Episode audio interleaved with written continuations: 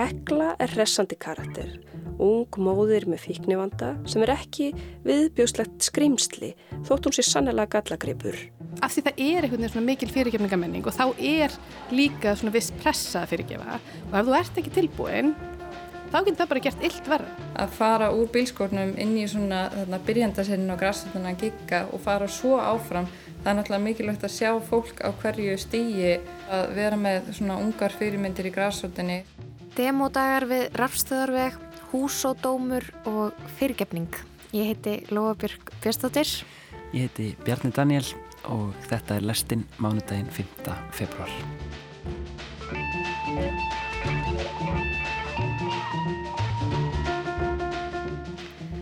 Brynja Hjálmsdóttir, sjóaskakrinandi, rínir í húsó, þætti sem að kláruðust í gær voru margir að fylgjast með. Um, svo fer ég nýr í Háskóla Íslands og hitti doktorsnema í heimsbyggi og við spilum um fyrirgefninguna. Þetta er á eftir. Bjarni Daniel, hvar byrju við? Við ætlum að byrja inn í Ellardal. Uh, í dag var sérst ofnað fyrir skráningu í Músiktilunir 2004 og uh, það er alltaf svona ákveðin stór viðbröður í, í menningarlífinu allavega svona hjá, hjá yngra fólki.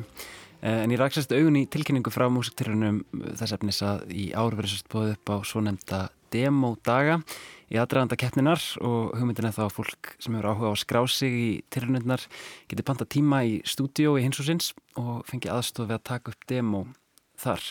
En það er auðvitað nöðsilegt að hafa einhvers konar upptöku í höndunum þegar maður sækir um að taka þátt í keppninni. Og mér fannst þetta eitthvað spennandi og kannski líka bara góð ástæða til þess að fá að kíkja en sá aðstöðu hinsúsins í Elladal mm. þannig ég gerði mér ferð þangað og já, kíkti í hittúsið við rafstöðaveg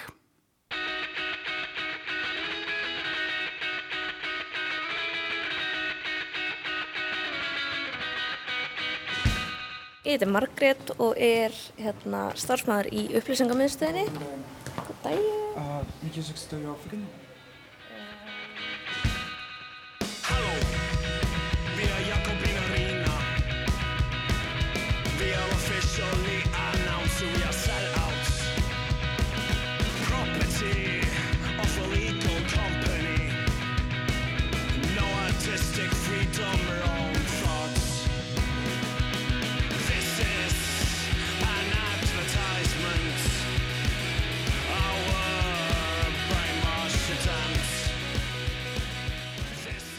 Ég vinn í hinu húsinu í upplýsingarmiðstöðinni sem sér um opin hús á kvöldin. Uh, við höldum líka einhverju námskeið en erum svona, ég er allavega að einblýna svolítið á um, svona kvöldofnanir og svolítið starf þar. Um, við erum til dæmis með menningarsmakk þar sem að við bjóðum uh, gaurunum sem hingað koma eða fólkinu sem kemur hingað. Það kemur mjög mikið frá Venezuela og svona eru flotta á hælisleitundur þar sem við erum að kynna þeim fyrir íslensku mat eða þau að kynna okkur fyrir venezuelsku mat og þess aftar. Það hefur verið að hefnast mjög vel. Síðan erum við að reyna að starta hins einn opnunum á þriðjutum og við erum með D&D á miðugutöfum og svona alls konar sko. Eða skoða eins uh, aðstöðuna? Já.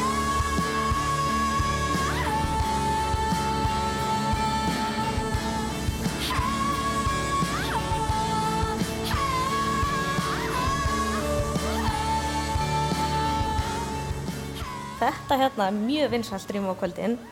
Hérna eru tölvuleikja tölfur sem, sem eru mjög vinsælar. Það er fullt setið um öll kvöld alltaf. Svo hefur við pingpong og pool sem er líka full nýtt á hverjum degi.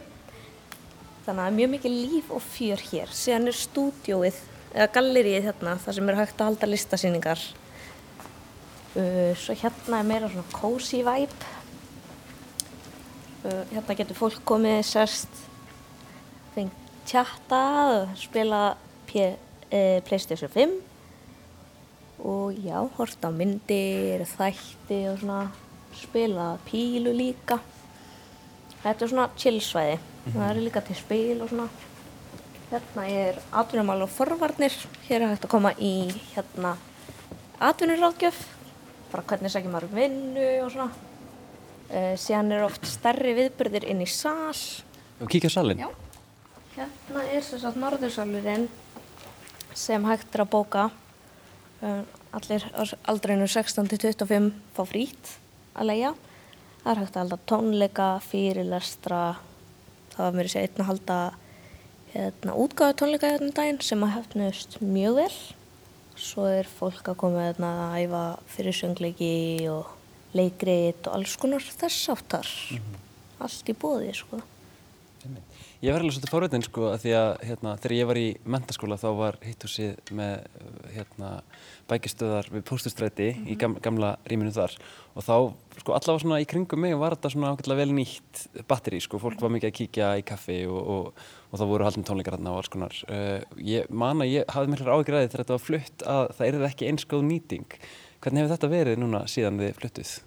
Hörðu, ég byrjaði bara enn í ágúst Ok. þannig að ég hef ekkert eitthvað alltaf mikla reynslu af því en það sem ég hef heyrt er að það er svona aðeins minni mæting allavega meðal svona mentaskólanema það eru samt alveg slatti sem að lætur það ekkert stoppa sig sem er bara frábært uh, samgöngurnar ynga eru ekki frábærar það mætti bæta þær en það er samt strætó hérna við brúna strætó hérna hinum með dalinn. Maður lappa bara í gegn. Og fólk virðist ekkert láta að stoppa sér alltaf mikið sem betur fer sko. Og svo erum við líka að reyna að vera sínilega á sjálf félagsmiðlum og svona eins og Instagram og Facebook og svona. Og þar getur fólk akkurat haft samband við okkur eða vill bóka rými Cool. Ég var að skoða restina af, Já. af rýminu. Endilega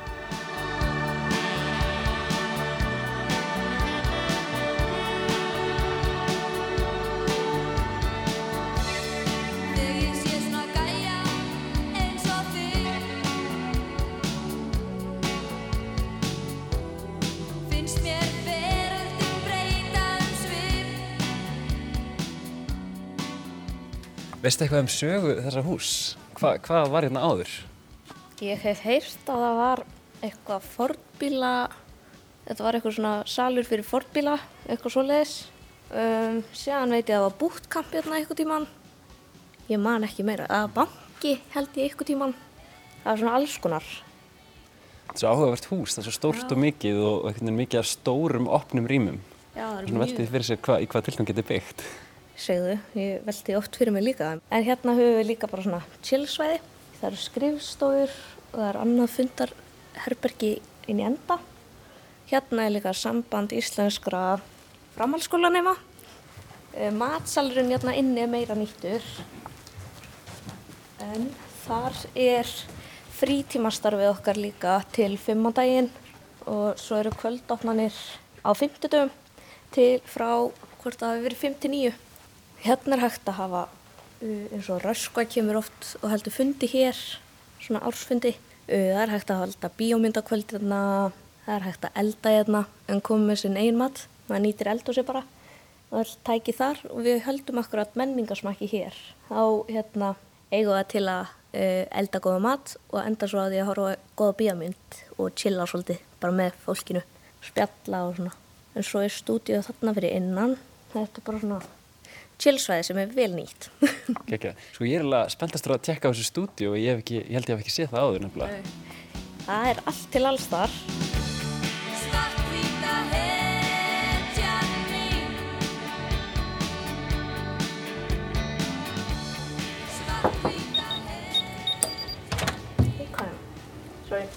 Uh, þetta er sem sagt stúdíu okkar. En hérna er sem sagt allt til alls, hérna getur fólk komið og prófa sig áfram. Uh, hér eru alla snúrur, all hljóðfæri sem að maður geti þurft. uh. Uh, I can't drink in the studio. No, it's gotta be in a closed bottle. Ah, okay. Yeah. Uh, Já, eins og ég segja, má ekki borða eða drekka einna nema að sé safe and secured af því hér eru dýrtæki. Mikið græm. Já. Einmitt, hérna eru magnarastæður, hljómborð, synþar, hljóðkerfi, gítarar meiri segja, bassi, trommusett, uh, allt til alls. Já, allt til alls til að prófa svo áfram og já, æfa sig. Og það getur hver sem er bókað þetta. Já, öll aldrinu 16 til 25 ára geta bóka með að senda okkur mail á móttaka at hitthúsið.is eða hitthúsið at hitthúsið uh, og bara inn á Facebook og Instagram undir hitthúsið. Þetta er frítt fyrir öll aldrinum 16 til 25 ára. Gekja, er þetta mikið nýtt? Þetta er nýtt hvert einasta kvöld og, lí- og það er líka verið að færast aðeins í yfir á daginn þannig að það er ofta alveg bóka bara frá 12, 2 til 10 þannig að maður þarf að vera tímanlega í að bóka svo maður fái pláss. Þannig já, Frábært, herru, takk fyrir túrin, gaman að skoða hérna aðstöðuna. takk sem leiðis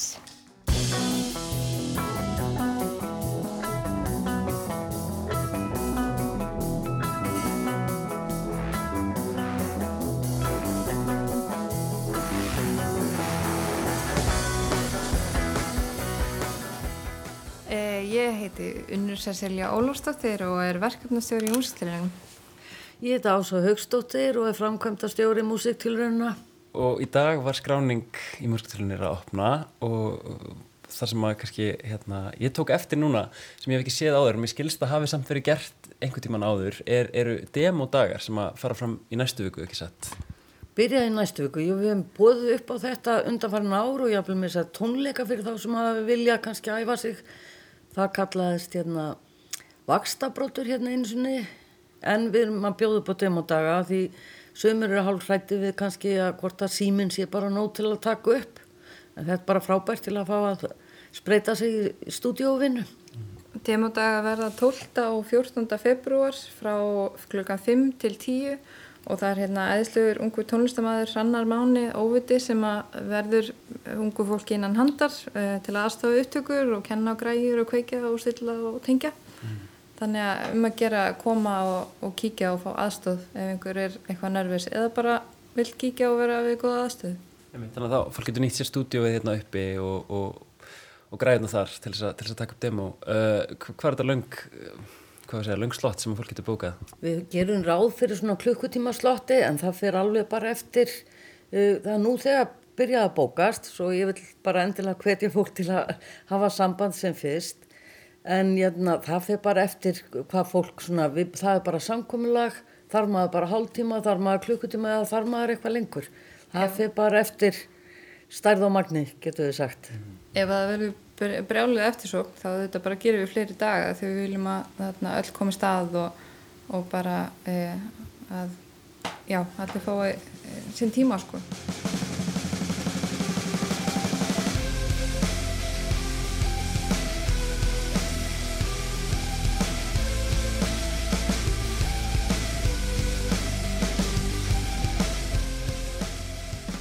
Hvernig, hvernig blasa tilhörnirnar við ykkur í ár? Hvernig lítur þetta út? Þetta er alltaf æsi spennandi, við erum náttúrulega alltaf með fyrirvild í maganum og veitum aldrei hversu margir skrá sig og svona, en okkur finnst að undanfarið hefur verið gífulega mikla fyrirspurnir og einmitt aldrei varðandi demo, demóin, hvernig þau þurfa að vera og hitt og þetta, svo að við viljum bara hvetja uh, tónlista áhaga menn sem að vilja komast út úr bílskúrnum eða eru bara komni vel á veg þess vegna að drífa í að skrá sig Uh, af því við erum náttúrulega bara með 40 slott svona hugsu við. Svo að bara vera fyrstu kemur getur við sagt. Og svo er náttúrulega svo frábært hvað er bóðið upp á líka í músiktilunum að þetta er ekki bara þessi keppni þetta er náttúrulega hátíð fyrir áhuga sama um íslenska tónlist og græsrótina að koma og kynna sér hvað er uh, framundan í íslensku tónlistalífi En jáfnframt náttúrulega velunin, það er til svo mikils að vinna bara eins og fyrir þau bönd sem komast á úrslitakvöldið. Þeim býðist að hérna, taka þátt í hitakassanum sem er bara, já við getum sagt, þetta er bara innistæða upp á að verða farsæl tónlistamæður að því maður fær svo góða og mikla fræðslu. Hitakassan, getið geti útskipt þetta aðeins betur fyrir, fyrir okkur? Þetta er samvinnumverkefni á meðal tónlistaborgin Reykjavík, Útón og hins húsins að við hérna settumst niður 2019 að því okkur fannst að kannski ung tónlistafólk þyrti að fá svona kannski smá vitaminsbrautu bara upp á að vinna faglega að svo að þarna koma bara reynsluboltar úr tónlistariðinaðanum, miðla reynslu sinni en það er farið yfir e, tónlistastaði hvað er steitsplott, hvað er mannansér, að það bara farið í allar, bara, já, krók og kema í tónlistariðina? Hún Ása Dýradóttir sáum þetta í fyrra og mun sjáum þetta aftur í ár og hún er alveg ótrúlega fróð og þarna kemur með miklu visku inn í þetta og það er búið að vera alveg aðeinslega að sjá hljómsveitina sem tók þátt í fyrra alveg blómstra í ár og einmitt vera að gíka á keks og gauknum og bara út um allan bæ og þú veist þarna uh, upprásinni þarna í hörpu búið alveg frábært program þar. Þannig að þarna já bara ég held að hitakassin gerir mikið fyrir hljómsveitina sérstaklega þá kannski til að hjálpa þeim við að gera tengslanett sín á milli að því að bönd að stiðja önnu bönd er alltaf bara það besta sem hægt er í bransanum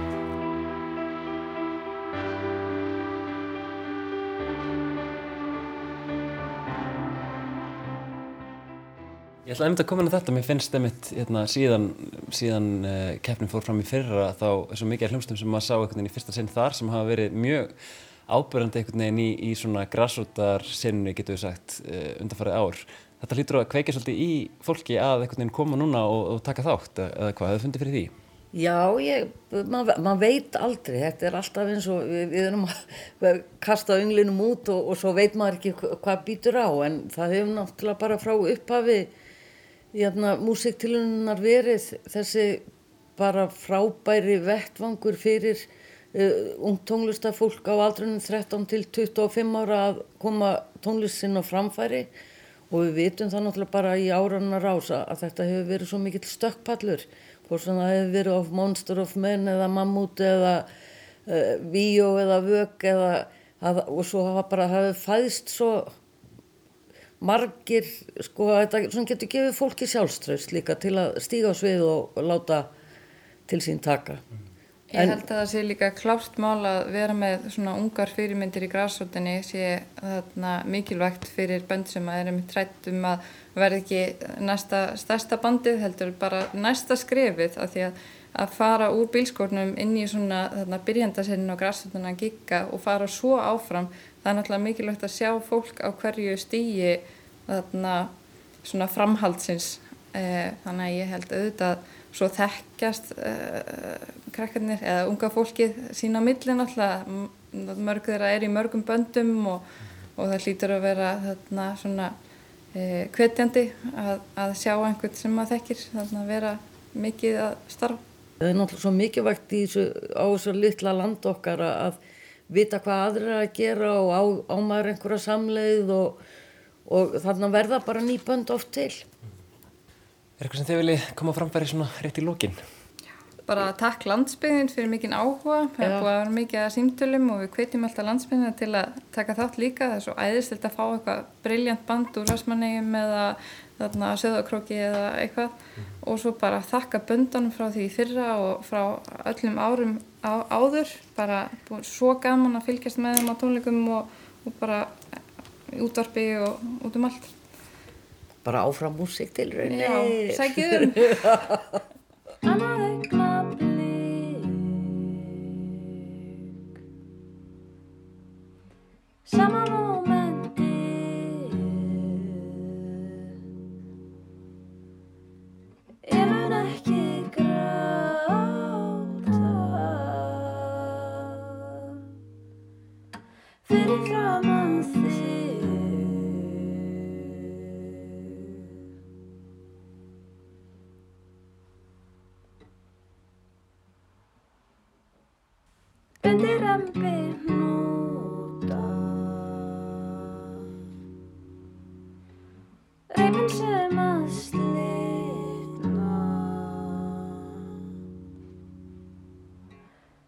Það þarf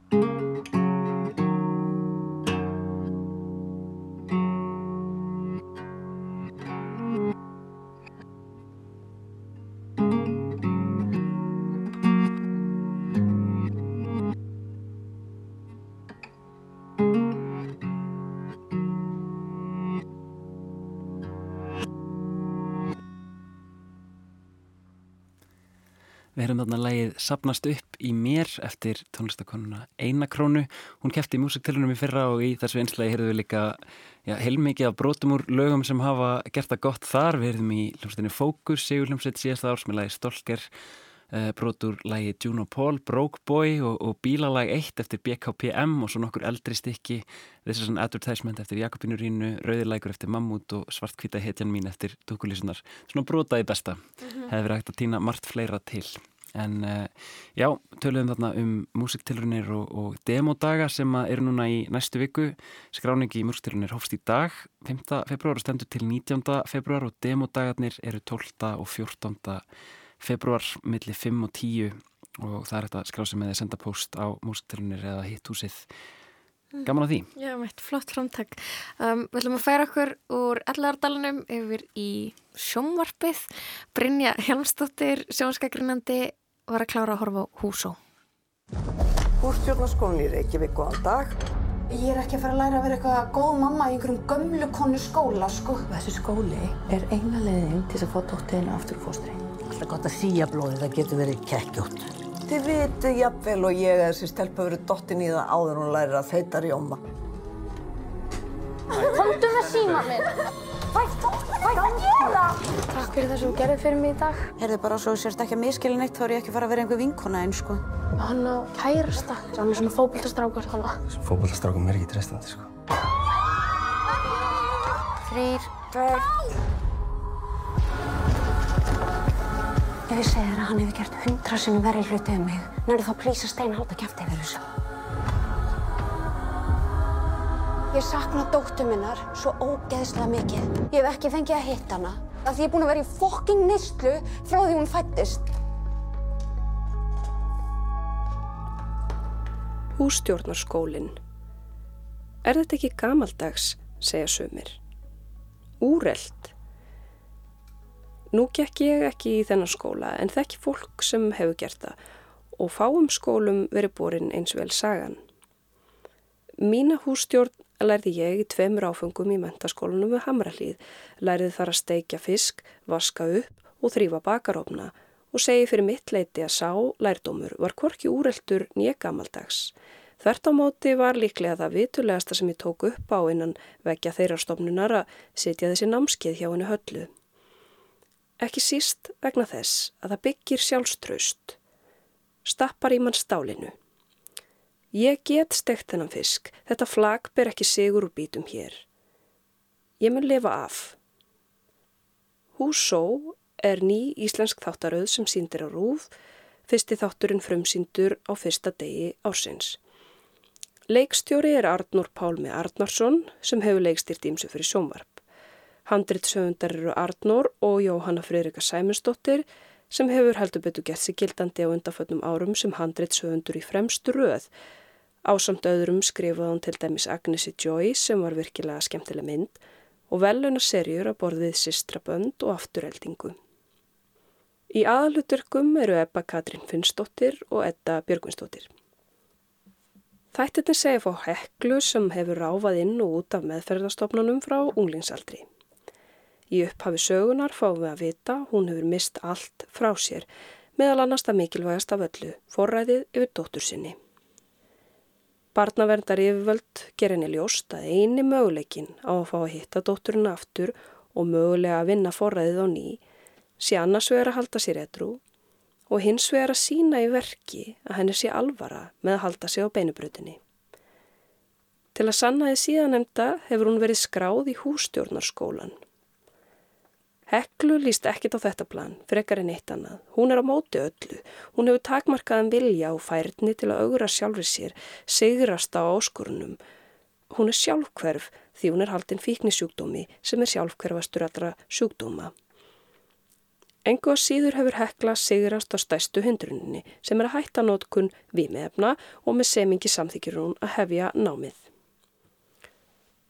Þegar í skólan er komið er ljóst að þar er ekkit elsku mamma neitt. Í skólanum eru gerða strángar kröfur um vandvirkni, ástundun og mætingu, orð sem hekla og ekki til í sinni orðabók. Fljótlega verður henni þó ljóst, hún á þess einan kost að láta á þetta reyna ef hún ætlar að rétta sig við og vinna dóttur sín aftur. Hún fer að taka þátt, ég vil blanda geði við skólasískinni sín og í ljós kemur að þar er nógu dramatík. Það þarf eitthvað mikið að gerast til þess að áhörundur gangist hekla og band í þessu stóra markmiði að endur heimta barnið því að þó að hún hafi sitt hvað til brunns að bera hefur hún ekkert með barna uppheld að gera. Það er spennandi val hjá höfundunum að láta aðalhetju seríunar vera andhetju. Framan af er hún svo mikil andhetja að það liggur við að hún sé skurkur.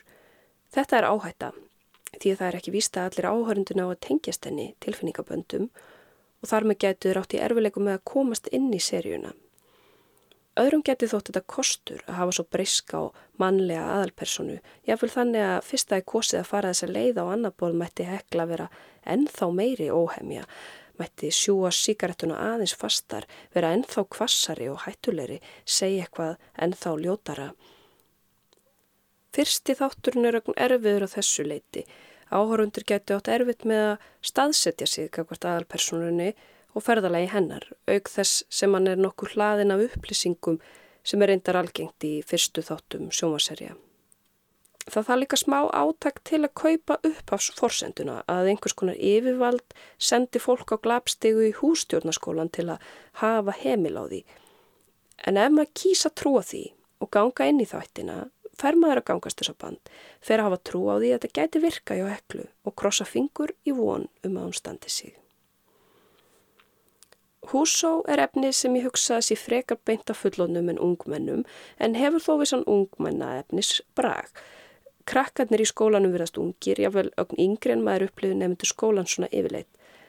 Þau eru upptekin af þeim málefnum sem almennt heitla ungmenni, djam, ást og slúður. Það er gaman að þessu high school yfirbræði. Með þessu verður líka skart róf á myndi nefndana sem eru mjög ungir og samtímanur samkafumir og kennarana sem eru vitaskuld mjög gamaldags. Þannig verður til breyð og góð dýnamík í hópnum og húsó tekstmarkmið sitt sem eru höfða til breyðs áhörndahóps. Þættirnist líta vel út. Kvikmyndatekkan er til soma og lita leðréttingin smekkleg og búningar Brynju Skjaldadóttir eru ansið sannfærandi.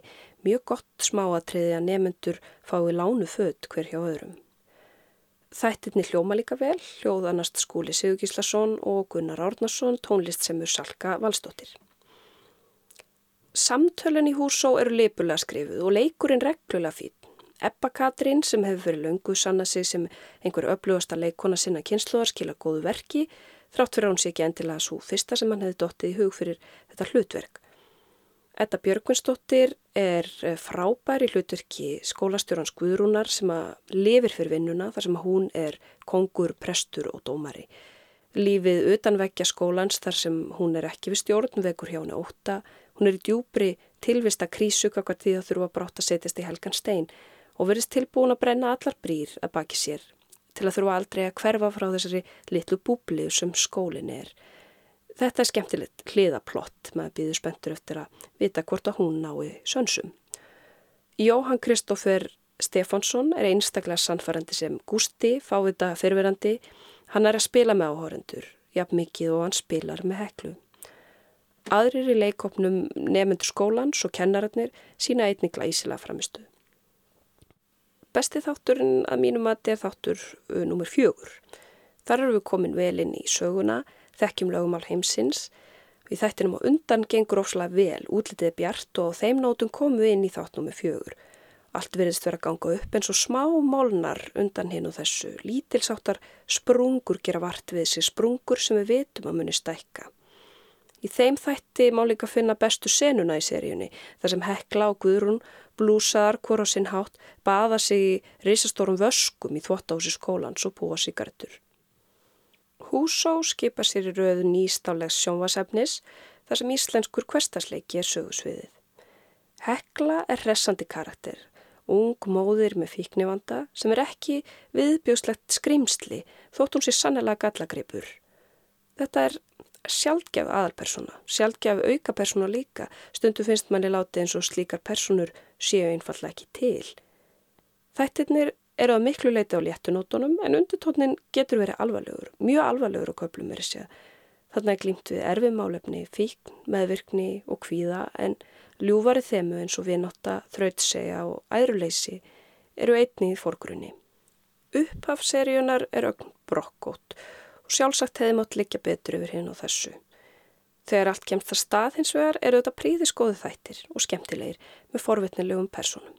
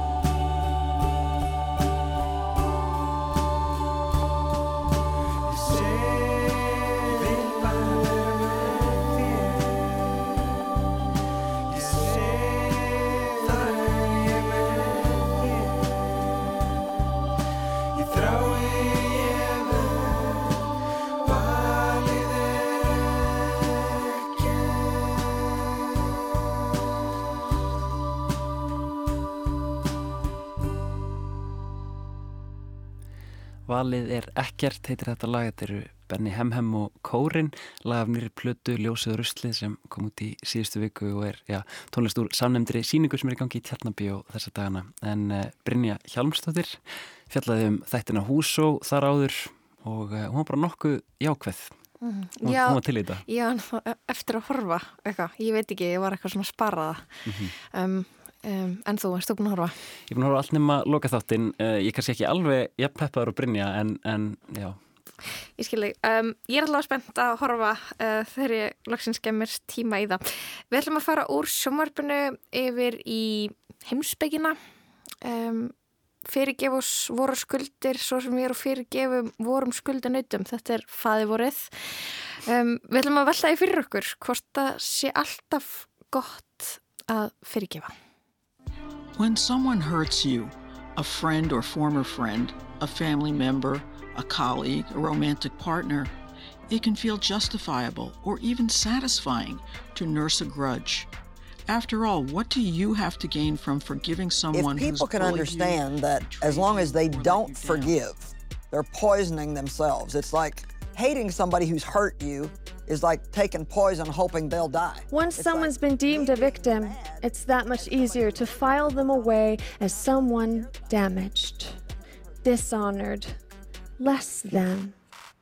And likewise, once someone's been branded a rapist, it's that much easier to call him a monster. Gaslýsing, þólendaskömm, mörk, skrimslavæðing, skautun, skotgrafir, nornaveðar og slaufun. Þetta er orð sem við þekkjum úr samfélagsumræðinni, fjölmiðlum, kaffistofum og kommentakerfunum. Orð sem við notum þegar við tölum um tónlistafólk, leikrit, sjómanstætti. Orð sem við notum þegar við veltum fyrir okkur hvort við eigum að hlusta, horfa, steyðja, hvort við eigum að fyrirgefa, hverjum við getum fyrirgefið og hvað við getum fyrirgefið. Orð sem við notum í samfélagsumræði sem MeToo hreyfingin hefur sett sitt mark á. Og í dag lærði ég nýtt orð úr MeToo íðorðabankanum. Fyrirgefningarkrafa.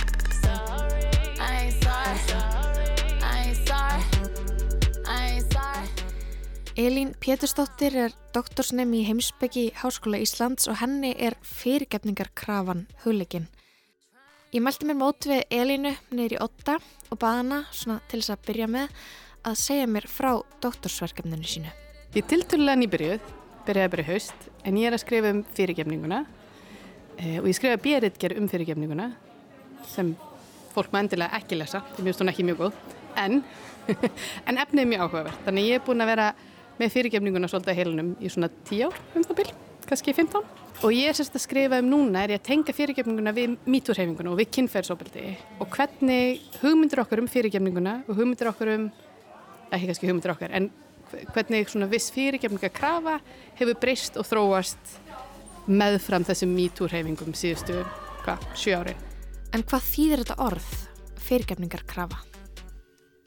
Við búum í pínu svona fyrirgefninga samfélagi aðeins beinins að gera okkur grein fyrir því. Við einhvern veginn vitum öll að það er rosa gott að fyrirgefa og, og við vitum öll hvað fyrirgefning er. En þegar þú fara að kafa einhvern veginn svona onni kenningarnar og onni skilgreiningarnar þá kemur í ljós að það er mjög flókið að skilgreina fyrirgefningu og það er mjög ólíkar skilgreiningar til og bara ef þú kíkir á hvernig fólk talar um fyrirgefningu í blöðum eða tímaritum eða viðtölum að þá kemur bara í ljós að fólk hefur mjög mismundu hugmyndir um hvað fyrirgefning er og það er náttúrulega flækjumánu svolítið en af því að fyrirgefningin er einhvern veginn svona hefur flotið með okkur síðustu 2000 árin í gegnum kristina og mjög svona sterk krafa á fyrirgefningu í kristinni að þá held ég að við einhvern veginn séum einhvern veginn alveg með það og reynu að fyrirgefningi sé svo góð á þess að hugsa neitt út í það.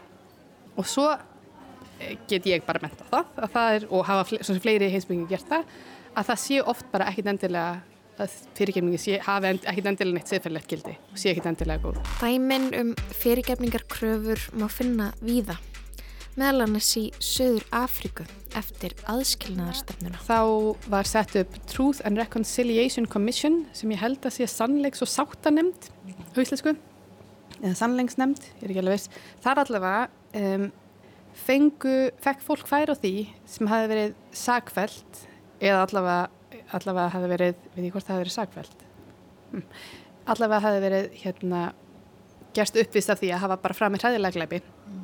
og það gæti skrifa sáttanemdini og svo gáttu þólandi gert það líka. Og þá gáttu þau hist, tala saman og það var tölverð pressa á þólendur að fyrirgefa gerendunum. Og gerendunum voru venjulega hvítir og þólendur voru venjulega svartir.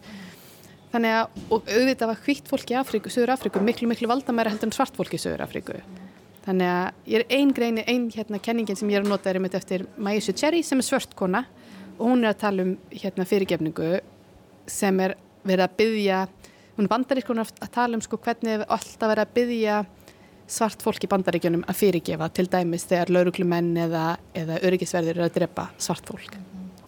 Sko ég, ég er að hugsa um þetta hvernig maður er eiginlega bara í rauninni alveg sannferður um að það hljóti að vera jákvægt í sjálfu sér að fyrirgefa og þá fái báðir aðilar, sá sem að beitti hinn einhverju óréttlæti og sá sem að beittur óréttlæti fái báðir einhvern veginn, lappi báðir í burtu bara sáttir, þú veist, ég náða að fyrirgefa sleppa tökunum, hinn, þarna, hinn var fyrirgefið, um, þetta lítur að vera einhvern veginn að uh, besta mögulega sem er hægt að gera í þessum, þessari stöðu en maður ætlar ekki að fyrirgefa. Hvað, hérna, hvað maður þá að gera? Já, þá er spurningin ertu að hugsa um út frá þér? Ertu að hugsa um út frá samskiptunum þess að tvekja einstaklinga eða ertu að hugsa út frá samfélaginu? Eða ertu að hugsa út frá þér, það eru náttúrulega marga leiðir sem við eigum til þess að vinna úr alls konar slæmum lífsnænslum við getum farið til sálfræðings, við getum einhvern veginn bara unnið úr reyði og, og svona erfiðum þungum tilfinningu sem við viljum kannski ekki þurfa að burðast með allæfi. Það er hægt að gera það öðru sem heldur en bara fyrirgefa og ég held að gerum það mjög oft. Ég held að mjög oft séum við ekkert endilega fyrirgefa, heldur bara ég var um að tala við hérna breskafræðikon í síðustu viku og það er einhvern veginn fyrirgefningum á allt öðru plani þannig að það var mjög áhugavert en hún var um bara, sagði sko ég segi aldrei börnunum mínum einhvern veginn að fyrirgefa hvort öðru, ég segi bara let's get over it veist, og það held ég við séum mjög ofta að gera við erum bara einhvern veginn, ok, þetta er bara búið við erum ekki, já, þú veist. Og svo sko er líka spurning, þú veist, það getur bara beinlinis haft neikvæð áhrif. Ef þú ert einhvern veginn af því það er einhvern veginn svona mikil fyrirgefningamenning og þá er líka svona viss pressa að fyrirgefa.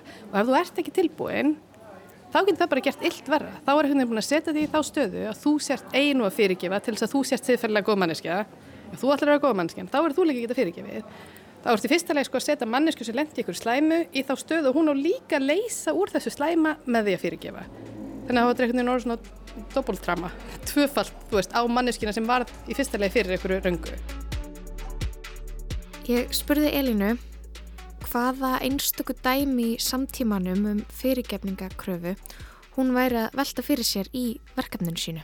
Það er svona nokkur sem mér langar skoða í þessi verkefni. Mér langar til dæmis að skoða hérna bókininnar Þórtísarelfu um handan fyrirgefningar og TED-talkið þar sem hún og, og þess maður sem nöðgæðinni koma fram. Og þetta er eh, ég svo sem hafði alveg áhuga á fyrirgefningun og kemferðsópildi fyrir og kannski að því að ég veginn nálgast þetta bara þver öfugt á við Þórtísarelfi þá fannst mér þetta mjög áhugavert að því að ég emitt, sé þetta einhvern veginn allt öðru sem heldur en hún.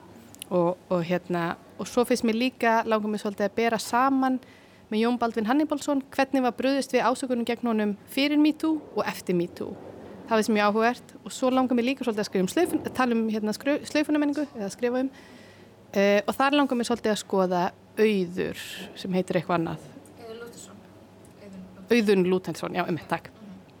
Það langar mér svolítið að skoða þar af því að þar náttúrulega kom upp ásækanir og hann drefur sér hlið ár og þá strax kom upp svona vissar e, vissar svona, viss svona gaggríni á slöfunamenningu í svona kommentum undir greinum þú veist það var fólk að segja svona að nú er búin að ganga of langt í þessari slöfunamenningu og, og svo kemur hann með lag hérna árið setna og þá kemur svona upp það sama aftur því svo ósækjant að það sé búin að slöfunum um, og það finnst mér líka svolítið þetta er svo áhugavert nefnilega með slöfunamenningun held ég, af því að í fyrsta leið held ég það er engin lausn að slöfa fólki af því að að slöfa einhverjum einum gaur er ekki að leysa neitt veist, þetta er svona struktúral vandi skilur við, þetta er eitthvað rosa stór vandi hann leysist ekkert með því, þannig ef við höldum að með því að slauða einhverjum einum gaur að þessi vandin leystur Ná, já, nákvæmlega, þannig að það er náttúrulega ekki lausnin, en með því að gera ekki neitt þá erum við svolítið að fara tilbaka bara fyrir MeToo þar sem við bara hlustuðum ekkert á þú veist, dólandi kynferðisofaldis og gerum bara ekki neitt.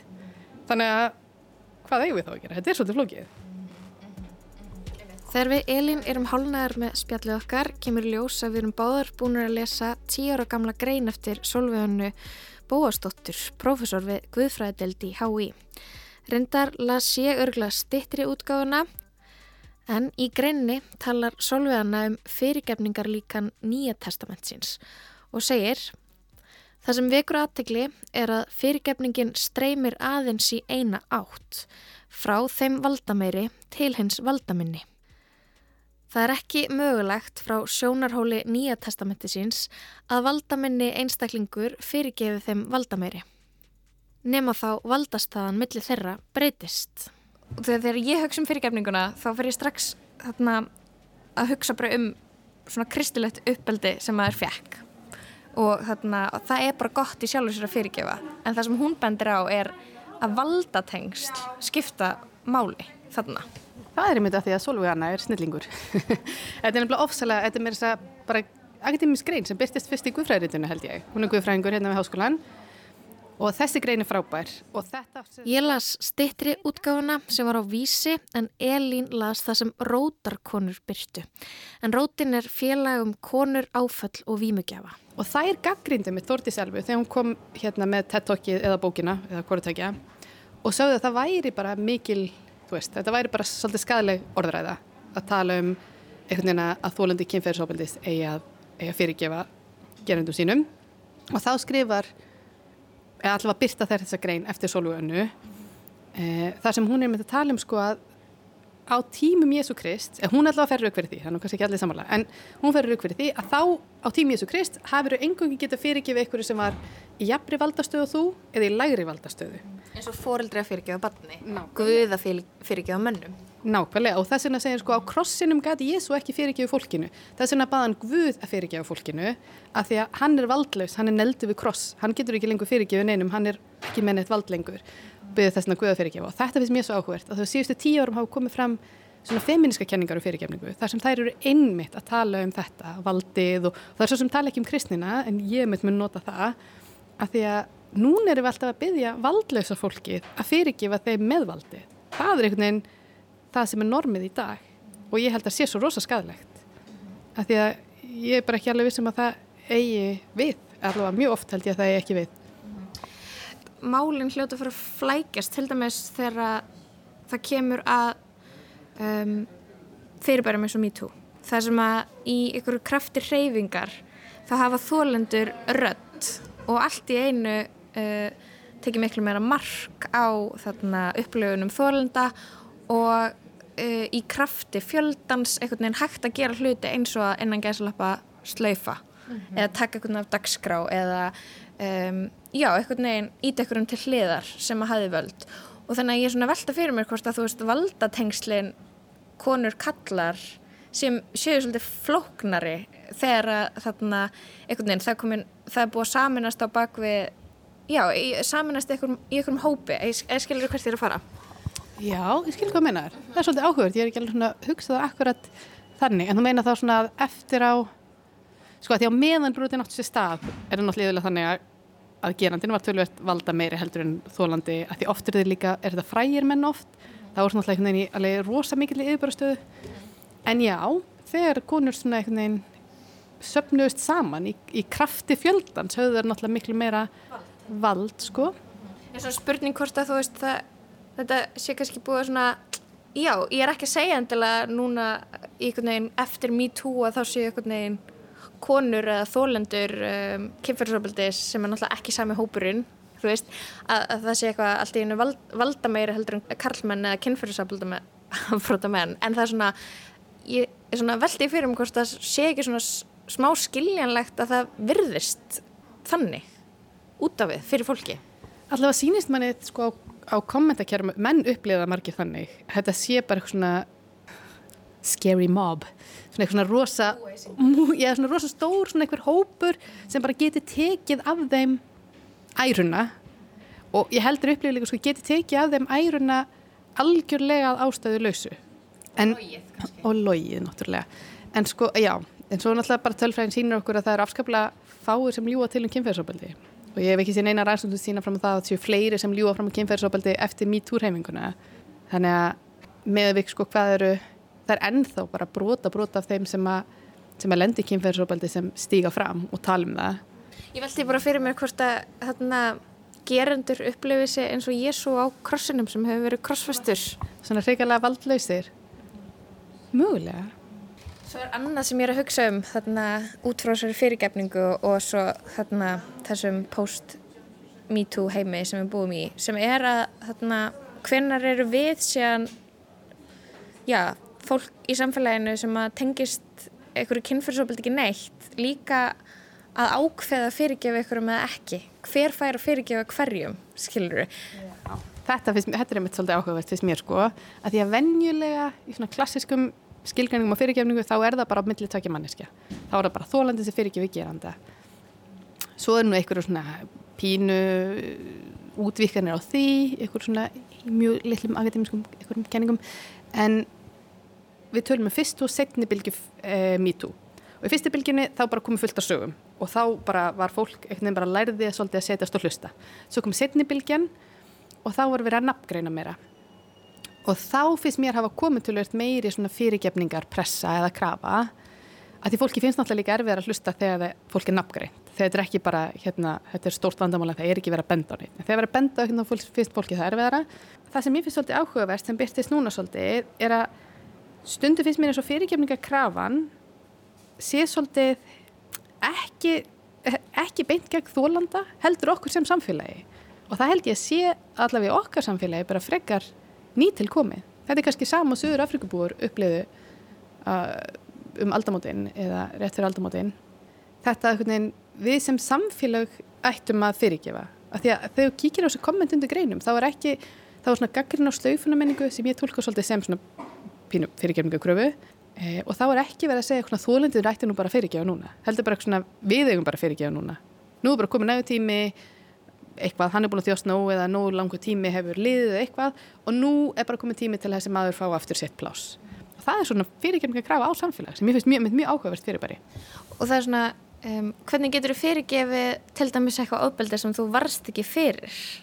Þá, þá upplifur ekki þá er raunin kannski engin fyrirstæða fyrir því að fyrirgefa nema tilhugsunin einn sé nót til þess að misbjóða þér eða, já. Já, algjörlega. Þetta er svona vandamál í heimsbyggikenningum um fyrirgefningu.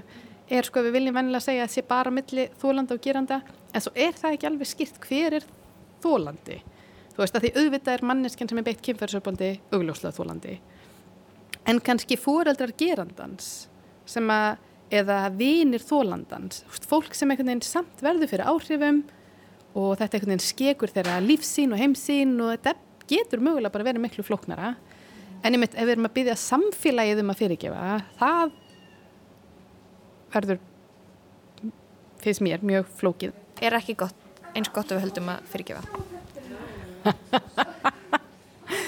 Um, ég held að sé bara aðrar leiðir til líka til þess að vinna úr bæði til að vinna úr sínum máli. Hugsað bara fyrir þig, þá held ég að sé aðrar leiðir líka heldur en bara fyrirgefa.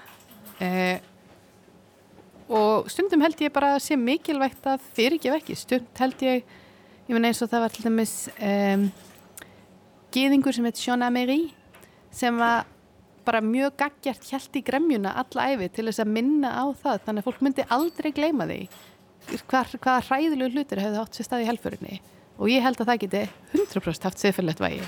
Og ég held líka að þú getur sko þurfu kannski ekki að byrjast með gremjuna alla æfi ég held að þú getur unnið úr þínum eitthvað svona íþingjandi og erfiðum tilfinningum og samt ekki fyrirgefið og bara mjög opinskátt ákveðað fyrirgef ekki eitthvað sem þið fyrst ófyrirgefanlegt og það geti sannanlega haft siðferðlegt vægi. Elín Pétursdóttir við vorum að ræða fyrirgefninguna. Hún er uh, vinna doktorsverkefni um fyrirgefningarkröfuna. Mjög áhugavert. Einmitt, einmitt En þá fyrir við alveg að segja þetta gott hér í lastinni í dag. Við ætlum að ljúka þættinum á að heyra lag eftir tónlistakonuna sem er á allra vörum í dag. Það er sjálfsögðu Laufey sem tók heim Grammy stittu í gerðkvöldi. Flott hjá henni. Já, fárlega vel gert. Við ætlum að ljúka þættinum í dag á læginu From the Start og ég heiti Lóabjörg Björnsdóttir. Ég heiti Bjarni Daniel. Tæknumar í dag var Lítja Gretastóttir. Við heyrumst aftur á morgun. Don't you notice how I get quiet when there's no one else around? Me and you and awkward silence. Don't you dare look at me that way.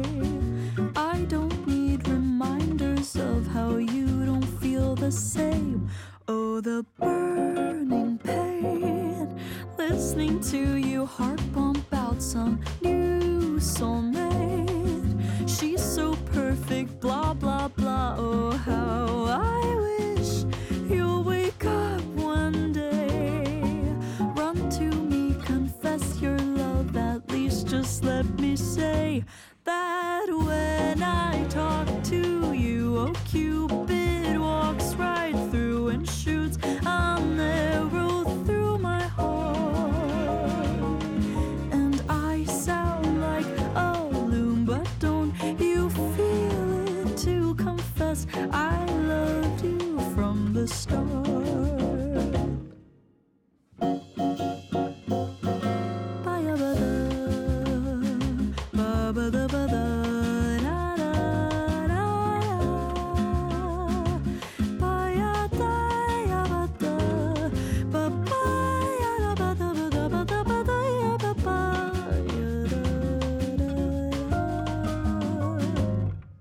yapsak